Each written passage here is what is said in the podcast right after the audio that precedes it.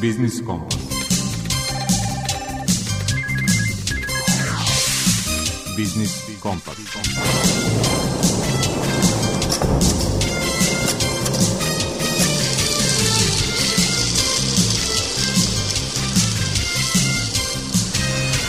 Pred mikrofonom je Đuro Vukelić.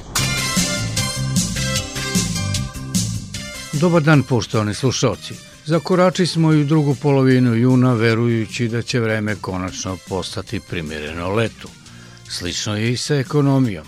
Uprkos uveravanjima, inflacija se sporo primiče jednocifrenoj, a o targetu od 3 od 100 plus minus 1,5 da i ne govorimo. O javnim financijama govorit ćemo u rubrici Aktuelno – Povod za razgovor sa specijalnom savjetnicom u Fiskalnom savetu Draganom Petković jeste mišljenje koje je to telo iznelo na nedavno objavljenu fiskalnu strategiju vlade Srbije.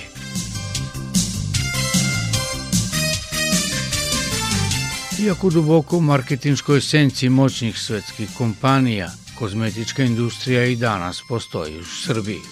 O tome šta krasi tu branšu i šta bi joj pomoglo da bude još lepša – U rubrici iz mog Google govori predsjednik grupacije kozmetičke industrije u Privrednoj komori Srbije Nebojša Cekić. U rubrici Svet preduzetništva najavljujemo dan otvorenih vrata za preduzetnice koji će biti organizovan u Baču. Krađa ili gubitak platne kartice mogu da dovedu do zloupotrebe, time i nanošenja ozbiljne štete vlasnicima računa. Kako to izbeći u rubrici Predmet financije, savetuje savjetnik za edukaciju korisnika finansijskih usluga u Narodnoj banci Jelena Popović. Kupovina falsifikovanih, najčešće osetno jeftinih proizvoda od originala, rizična je po zdravlje kupaca, upozorava u rubrici Potrošačka korpa prava, pravni savjetnik u Udruženju za zaštitu potrošača Vojvodine, Mladen Alfirović. Toliko u uvodnoj najave, sledi red muzike.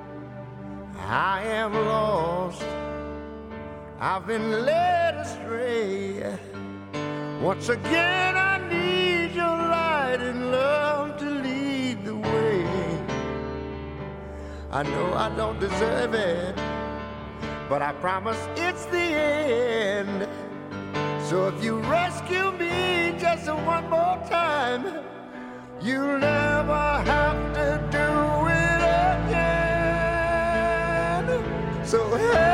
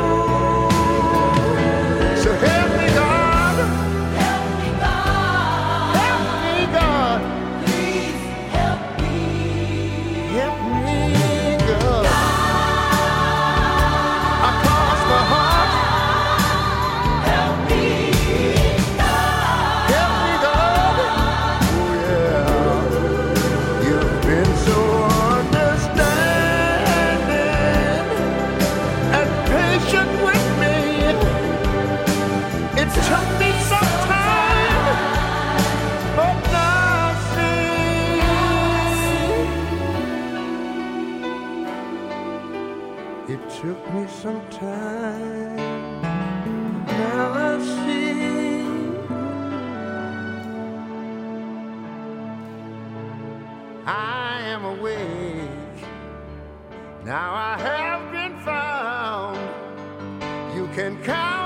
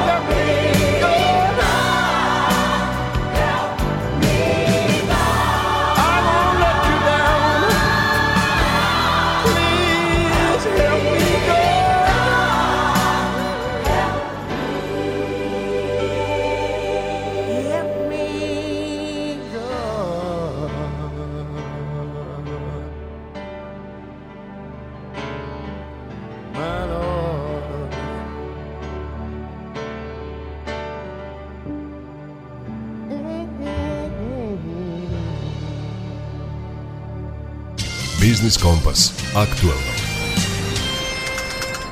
Vlada je od početka godine startovala sa povećanjem zarada u javnom sektoru, a za septembar je najavljeno i 10.000 dinara pomoći u porodicama sa decom. Specijalnu savjetnicu u Fiskalnom savetu Srbije Draganu Petković pitali smo da li će te mere da dovedu u pitanje fiskalnu ravnotežu i plan države da na kraju ove godine fiskalni deficit ne premaši 3% bruto domaćeg proizvoda. Možda najbolje da krenem hronološki, znači vlada je napravila plan e, još krajem 22. godine za ovu 23.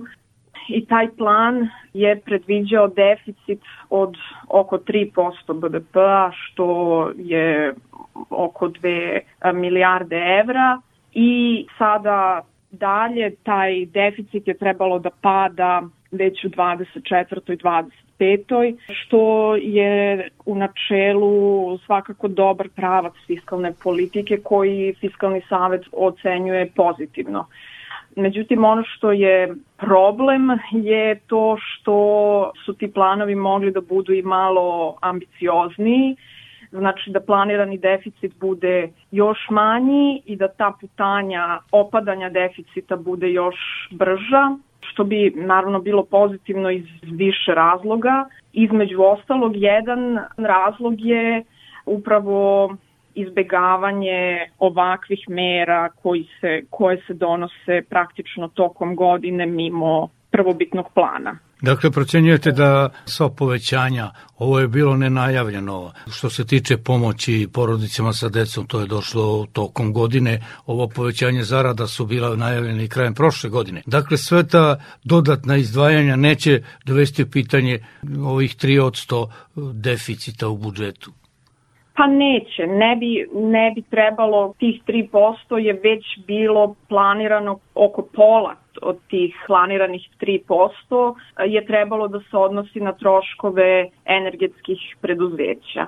I sad vi imate blažu zimu, to jest imali smo početkom godine već blažu zimu, imate pad međunarodnih cena energenata, rast domaćih prodajnih cena struje i gasa, nešto veću proizvodnju EPS-a, više gasa u skladištu i sad sve su prilike da, da taj planirani iznos davanja za energetska preduzeća neće, neće biti potrošen. I sad to ostavlja neki buffer, neki prostor u, u, u budžetu, što je prosto mogao da bude manji deficit. E sad, vlada se praktično odlučuje da taj prostor koji ima koristi za uvođenje novih mera. Znači to neće da ugrozi planove, ali nije, to jest planirane ciljeve, ali nije poenta i nije ni, nije ni dobro iz ugla budžetskog procesa da se planovi politika menjaju ovako tokom godine i praktično samo nekoliko nedelja nakon što je vlada napravila dokument koji se zove fiskalna strategija na koji je fiskalni savjet i dao svoje mišljenje, Znači, to je plan vlade koji se pravi za naredne tri godine. Znači, to je sad za 24. pa do 26. I naravno bazira se na dešavanjima u 23. Znači, u tekućoj godini. U tom dokumentu nije bilo ovih mera koje je vlada najavila nedavno, tako da u tom smislu promena jeste velika, mada, kao što sam već rekla, znači neće da ugrozi javne financije i fiskalne ciljeve, ali nije ni poenta da se stalno gleda da li će neka mera biti fatalna ili ne, već prosto da li, da li ima smisla u ovom kontekstu ili ne. A gde se zapravo kriju rezerve za ambiciozniju fiskalnu politiku vlade govorimo i o reformi javnih preduzeća, većim poreskim prihodima i većoj disciplini. Pa da, najveći deo su praktično upravo ta energetska preduzeća. Pored toga, naplata poreza ide nešto bolje nego što su planovi predvideli i onda imate na raznim rashodnim stavkama ostavljeno malo više prostora ne znam, roba i usluge, znači ono što vlada plaća za, za svoje nabavke, rashodi za kamate su budžetirani u malo većem iznosu i tako dalje. Znači ima tu više stavki, mada kažem primarno ova energetska preduzeća, ali kada se sve to sabere, prosto eto, ostaje značajan prostor. Kakve bi opipljive koristi imali poreski obveznici od smanjenja planiranog budžetskog deficita onako kako je to sugerisao Fiskalni savet? Jedna korist je što svakako planirani manji fiskalni vodi ka manjem dugu.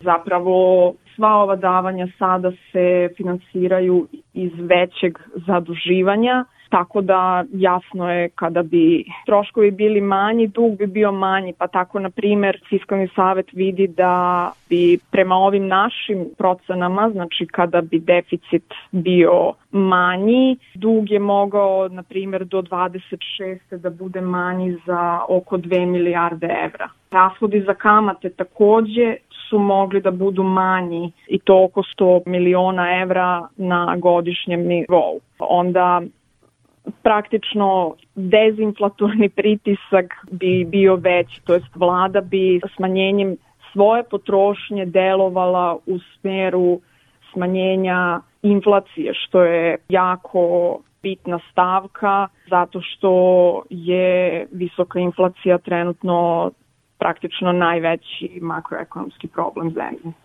Naša sagornica bila je specijalna savjetnica u Fiskalnom savetu Dragana Petković. Dragana, hvala vam za razgovor i za izdvojeno vreme. Hvala vama.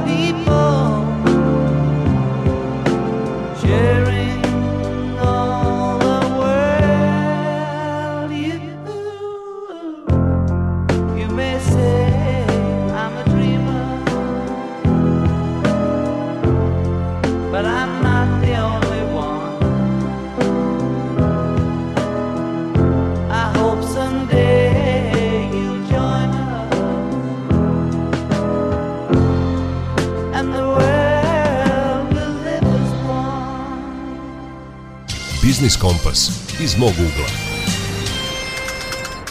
Iako u dubokoj senci marketinški moćnih svetskih proizvođača kozmetike, srpska kozmetička industrija i tekako postoji.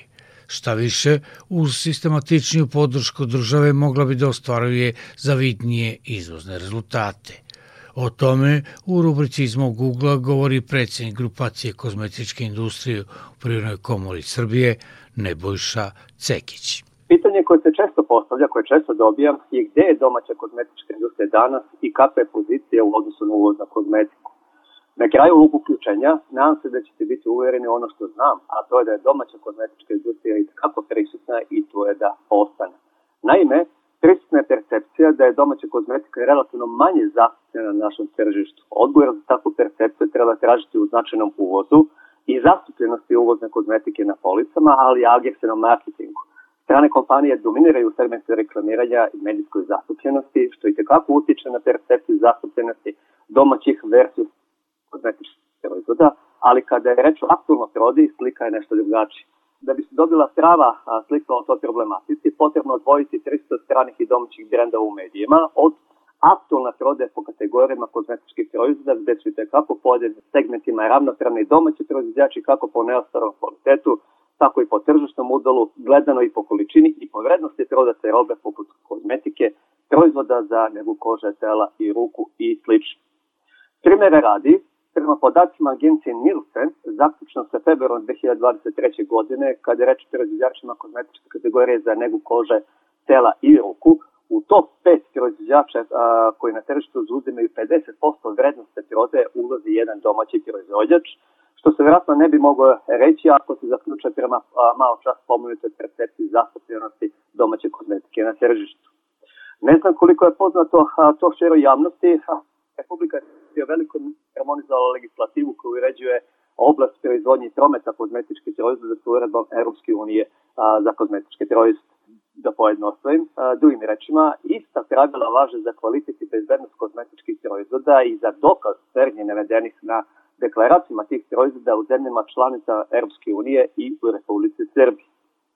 U vezi malo čas spomenutog uvoza i izvoza, a, brojke pokazuju da je uvoz kozmetičkih proizvoda dominant. Vrednostno posmatrano u protokom periodu od 4 godine, uvoz kozmetičkih proizvoda iznosio je a, blizu 743 miliona eura, Za taj isti period izvoz u brojkama bio nešto iznad 193 miliona eura. Dakle, oko četiri puta je bila viša vrednost uvoza nego izvoz. I ko je ovaj odnos nešto definitivno na čemu je potrebno raditi, sa druge strane se kako ukazuje da domaća kozmetička industrija može da nađe i ima svoje mesto i u stranim državama, prvenstveno su tu pitanje Republike bivše Jugoslavije, dakle Crna Gora, Severna Makedonija, Bosna i Hercegovina, Hrvatska. Međutim, u tu su i tržišta Italije, Austrije, Češke republike, Albanije, Holandije, Ruske federacije, čak i Hong Kong, Australija i Sjedinjene američke države.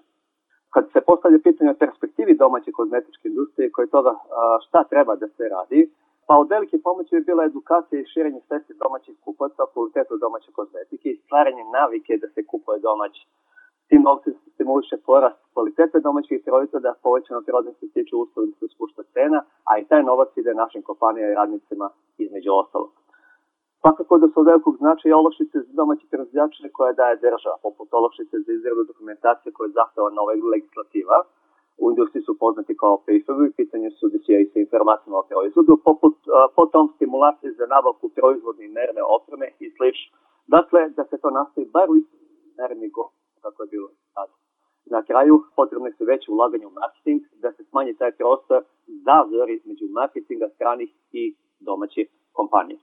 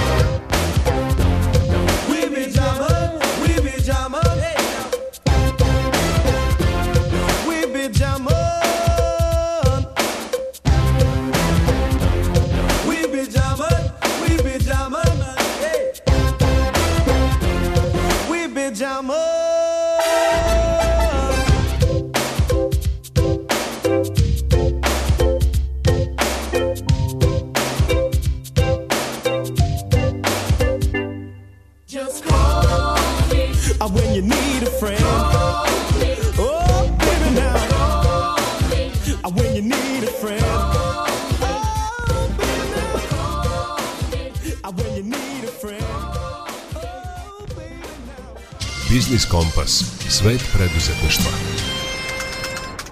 U današnjoj rubrici Svet preduzetništva rukovodilac projekata u regionalnoj razvojnoj agenciji Bačka Marija Prokopić najavljuje dan otvornih vrata za žene preduzetnice koji će 8. jula biti održan u Baču. prisutne žene i devojke iz opštine Bač i okoline imaće priliku da se informišu o raspoloživim izvorima finansiranja malih i srednjih preduzeća i preduzetnika, kao i vidovima nefinansijske podrške koje im stoje na raspolaganju prilikom pokretanja sobstvenog posla, ali i u razvojnim fazama biznisa. Znači mogu sve doći sve one žene i devojke koje imaju poslovnu ideju i planiraju u nekoj doglednoj budućnosti da otvore preduzetničku radnju ili preduzeće, kao i one koje već imaju svoje sobstveno preduzeće, odnosno preduzetničku radnju.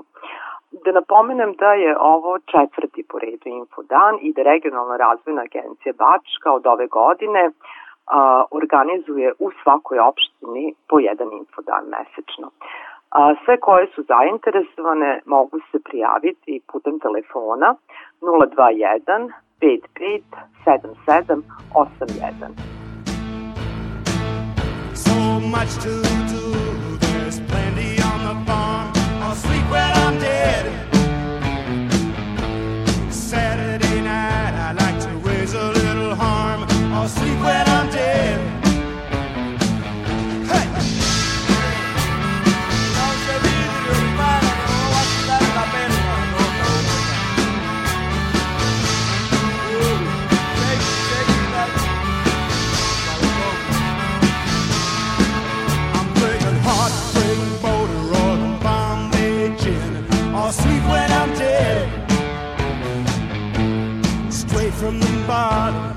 twisted again, or sleeping.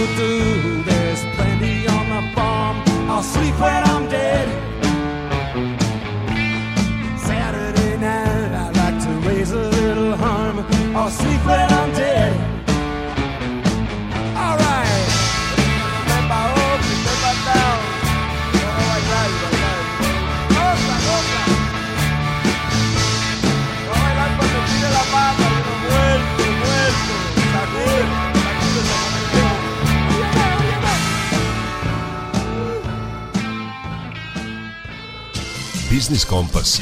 Predmet financije. Dan uoči kalendarskog početka leta, godišnjeg doba kada se najčešće putuje, vredi da podsjetimo na nevolje koje mogu da vam pokvare odmor. Jedna od zbiljnijih je krađa ili gubitak platne kartice, odnosno njena zloupotreba, a koja može uzrokovati ozbiljnu materijalnu štetu. Kako da se zaštitite od toga, objašnjavam vam savjetnica za edukaciju korisnika finansijskih usluga u Narodnoj banci Srbije, Jelena Popović. Zloupotreba platnih kartica regulisana je zakonom o platnim uslugama. U skladu sa ovim zakonom dužni ste da platnu karticu koristite u skladu sa ugovorenim uslovima kojima se uređuje izdavanje i korišćenje tog platnog instrumenta. Odmah po prijemu platne kartice potrebno je da preduzmete sve razumne i odgovarajuće mere radi zaštite personalizovanih sigurnosnih elemenata tog instrumenta, to je onaj PIN, na što vas banka ili platna institucija upozoravaju prilikom zaključenja ugovora, a i samom ugovoru. Takođe, odmah nakon saznanja o gubitku, krađi ili zloupotrebe platne kartice, dužni ste da o tome obavestite pružalca platnih usluga, dakle banku ili platnu instituciju, ili lice koje je ovaj pružalac odredio. Ovo je važno da iz razloga što nećete snositi gubitke nastale zbog neodobrenih platnih transakcija koje su izvršene nakon što ste obavestili banku ili platnu instituciju da je platna kartica izgubljena ili ukradena, osim ako su ti gubici nastali usled prevarnih radnji. Obaveza banke ili druge institucije koje ide platnu karticu je da obezbedi da su personalizovani sigurnosni elemente platne kartice dostupni i to dostupni isključivo korisniku kome platna kartica izdata, kao i da korisnik platne kartice u svakom trenutku može na odgovarajući način obavestiti banku ili platnu instituciju o gubitku, krađi ili zloupotrebe platne kartice. Nakon toga, banka ili drugi zavod platne kartice je dužna da spreči svako dalje korišćenje platne kartice. E, pored toga, banka ima zakonsku obavezu da korisniku platne kartice dostavi dokaz o tome da ju je taj korisnik obavestio gubitku, da ako je korisnik platnih usluga podneo zahtev za dostavljanje tog dokaza u roku od 13 meseci od dana ovog obaveštenja. Shodno propisima, pružalac platnih usluga odgovoran je za izvršenje platne transakcije za koju ne postoji saglasnost korisnika platne kartice, zvana neodobrena platna transakcija, i dužan je da odmah po saznanju izvrši povraćaj iznosa te transakcije korisniku odnosno da njegov platni račun vrati u stanje u kojem bi bio da neodobrena platna transakcija nije izvršena. Pružilac platnih usluga u obavezi je da izvrši povraćaj iznosa svih naknada koje naplatio korisniku, kao i da izvrši povraćaj, odnosno plati iznos svih kamata na koje bi korisnik imao pravo da neodobrena platna transakcija nije izvršena. Što se tiče odgovornosti korisnika platne kartice, nosit će gubitke koje proističu iz izvršenja neodobrene platne transakcije do iznosa od 3000 dinara, ako su one izvršene uz korišćenja izgubljene ili ukradene kar, platne kartice ili platne kartice koja je zlopotrebljena jer korisnik nije uspeo da je zaštiti, odnosno da zaštiti njene personalizovane sigurnosne elemente.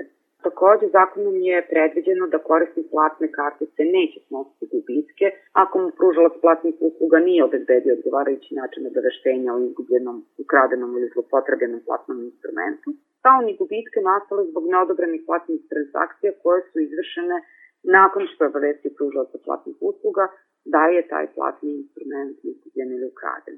Ako su neodobrene platne transakcije izvršene zbog prevarnih radnji, ili ako usled krajnje nepažnje i namere korisnik nije svoju zakonsku obavezu da čuva lične sigurnosne podatke, snosit će sve gubitke koje proiseču iz izvršenja ovih transakcija. Nekoliko saveta, dakle u vašem interesu da se pridržavate svih pravila korišćenja kartica vezanih za bezbednost, jer se na taj način potencijalne zloupotrebe svode na najmanju moguću meru. PIN nemojte nositi zajedno sa karticom i nemojte da saopštavate drugoj osobi prilikom podizanja novca sa bankomata prekrijte rukom brojčanik kada unosite PIN broj. Ukoliko karticu izgubite ili vam je ukradu, odmah o tome obavestite banku koja vam je izdala karticu. Banka je u obavezi da tog istog trenutka blokira karticu na taj način prečinjeno dalje neovlašćeno korišćenje. Nemojte koristiti platne kartice za plaćanje preko interneta ukoliko one nisu namenjene toj svrsi. Većina banaka nudi platne kartice koje su namenjene isključivo za ovu vrstu One su najčešće debitne, što znači da možete potrošiti samo onoliko sredstava koliko u tom trenutku imate na računu te kartice. Ukoliko imate nameru da koristite kreditnu karticu za plaćanje preko interneta, obavestite banku o tome kako biste eventualno dobili dodatne sigurnosne kodove koji se koriste za ovu transakcije. I izbegavajte da ostavljate podatke o vašem broju kartice, računa ili ličnih sigurnosnih podataka na nepouzdanim internet stranama.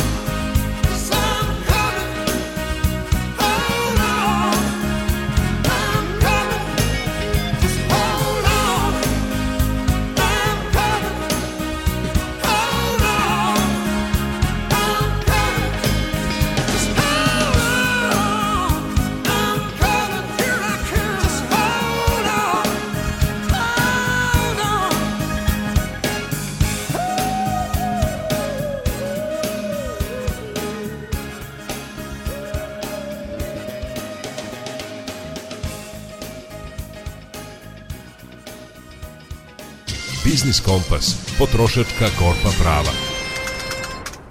Na oko jeftiniji falsifikovani proizvodi poput kućne hemije, kozmetike, prehrambene robe, čak i tekstilnih proizvoda mogu da postanu skupa pretnja zdravlju i bezbednosti potrošača, upozorava u rubrici Potrošačka korpa prava pravni savjetnik u Udruženju za zaštitu potrošača Vojvodine Mladen Alfirović. Pre šest dana javno je objavljena vez da je zaplanjeno preko 22 tone lažnog deterđenta za pranje veša Ariel koji je poreklom iz Turske, a koji je bio namenjen kućnoj e, upotrebi. To je saopšteno od strane Ministarstva unutrašnje i spoljne trgovine, odnosno sektora tržišne inspekcije. Dakle, u velikoj akciji usmerenoj ka suzbijanju e, plasiranja falsifikovanih proizvoda na srpsko tržište oduzeto je 22,5 tone praška za pranje veša marke Ariel, čime je sprečeno da se taj proizvod nađe u upotrebi kod kupaca i ujedno izbjegnuta potencijalna opasnost po zdravlje uh, naših građana. To je izjavio pomoćnik ministra i glavni tržišni inspektor Aleksandar Adamović. Dakle, taj prašak je bio namenjen kućnoj upotrebi i nalazio se u pakovanjima od po 10 kg, a njegova ambalaža u najvećoj meri je podsjećala na originalan proizvod. Uh, takođe, pored te uh, velike i opsežne akcije tržišne inspekcije, sprovedena je još jedna akcija i tom prilikom je oduzeto tekstilne robe, odnosno odeće i obuće falsifikata poznatih brendova u vrednosti od oko 100.000 evra. Sve u cilju sprečavanja sive ekonomije i plasiranja falsifikovanih proizvoda na, na srpsko tržište. Takođe, u ministarstvu se navodi da je samostalno u saradnji sa drugim državnim organima i predstavnicima kompanija koji su nosioci prava intelektualne svojine, da će se nastaviti intenzivno sprovođenje akcije na planu suzbijanja sive ekonomije i plasiranja falsifikovanih proizvoda u primarnom cilju zaštite potrošača, budući da se krivotvoreni proizvodi ne smiju nikako tretirati kao bezbedni, niti smeju da pružaju privid ispravnosti i kvaliteta. Dakle, ova akcija tržišne inspekcije nam samo govori uh, ono o čemu mi pričamo godinama, to je da se na srpskom tržištu zaista može naći velika količina robe koja je falsifikovana i koja se ne zna poreklo. Ta roba uglavnom uh, se nalazi u nekim ilegalnim lancima prodaje i može se kupiti na raznoraznim buljim pijacama i preko interneta od strane neregistrovanih prodavaca. I ono što mi apelujemo na potrošače jeste da maksimalno izbegavaju ovaj način kupovine bez obzira na to što su cene tih proizvoda znatno povoljnije u odnosu na, na redovnu ponudu, jer samim tim kad je u pitanju kućna hemija, kozmetički preparati i prehrambeni proizvodi, sve što generalno dolazi u kontakt sa kožom i sluzokožom ili što se konzumira kao hrana, a za što se ne zna poreklo i samim tim ne zna se i da li deklaracija odgovara stvarnom sastavu proizvoda koji se nalazi u pakovanju, može predstavljati rizik za zdravlje i bezbednost potrošača. Dakle, to su neke stvari gde bi zaista potrošači trebali da, da budu obazrivi. Mi svakako kao potrošačka organizacija pozdravljamo ovu akciju tržišne inspekcije, međutim ono sa čim imamo problem jeste da i prethodnih godina kad su bile slične akcije gdje recimo sa tržišta povučena određena količina proizvoda za koje se ispostavilo da sastav ne odgovara deklaraciji ili gde postoje neki problemi vezano za, za kvalitet. Mi nikad nismo dobili epilog u smislu da znamo koji je trgovac plasirao taj proizvod, odnosno koji proizvođač je u pitanju i da li su oni i na koji način sankcionisani. Dakle, nedostaje nam ta poslednja karika u lancu kako bi prosto mogli i potrošači da, da kazne te trgovce tako što više neće kupovati te proizvode.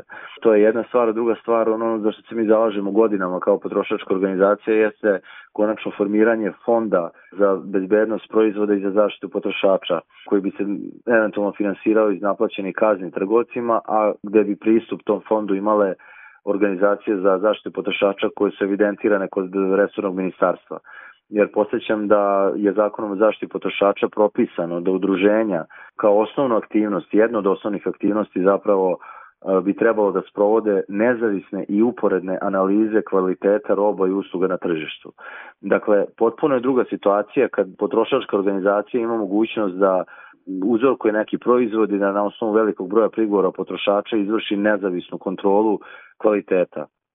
Dakle, ove e, akcije koje sprovodi inspekcija na osnovu zakona, te redovne i vadene kontrole, to je nešto što svakako država treba da radi, ali ono što nam nedostaje jeste ta potpuno neka nezavisna kontrola od strane organizacije za zaštitu potrošača, kakva se sprovodi u svim drugim državama gde a, organizacije potrošača zapravo imaju velike budžete i sredstva da sprovode te analize. Dakle, mi godinama imamo problem sa finansiranjem i sa pristupom nezavisnim izvorima finansiranja, a to bi moglo da bude rešeno preko osnivanja tog fonda jer e, neke od tih analiza su znatno skupe, a za pojedine proizvode čak i ne postoje referente, referentne laboratorije u Srbiji, već bi uzorci morali da se šalju inostranstvo. E, tako da bi onda na taj način mi kao potrošačka organizacija do, doprineli osnovnom cilju, a to je da se na srpsko tržište plasiraju proizvodi boljeg kvaliteta i da potrošači budu sigurni da kad nešto kupe, da ono što piše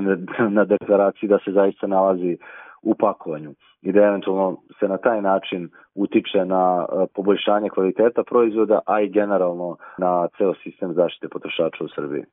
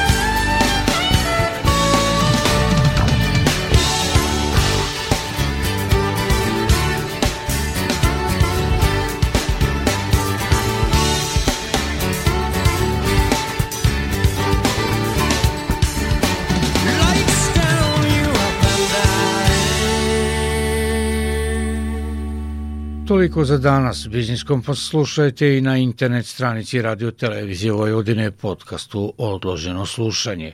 Muzički urednik Zoran Gajenov, ton majstor Damjan Šaš i urednik emisije Đuro Vukelić vam žele ugodan nastavak popodneva i večeri uz program Radio Novog Sada. Zdravi bili i čuvajte se.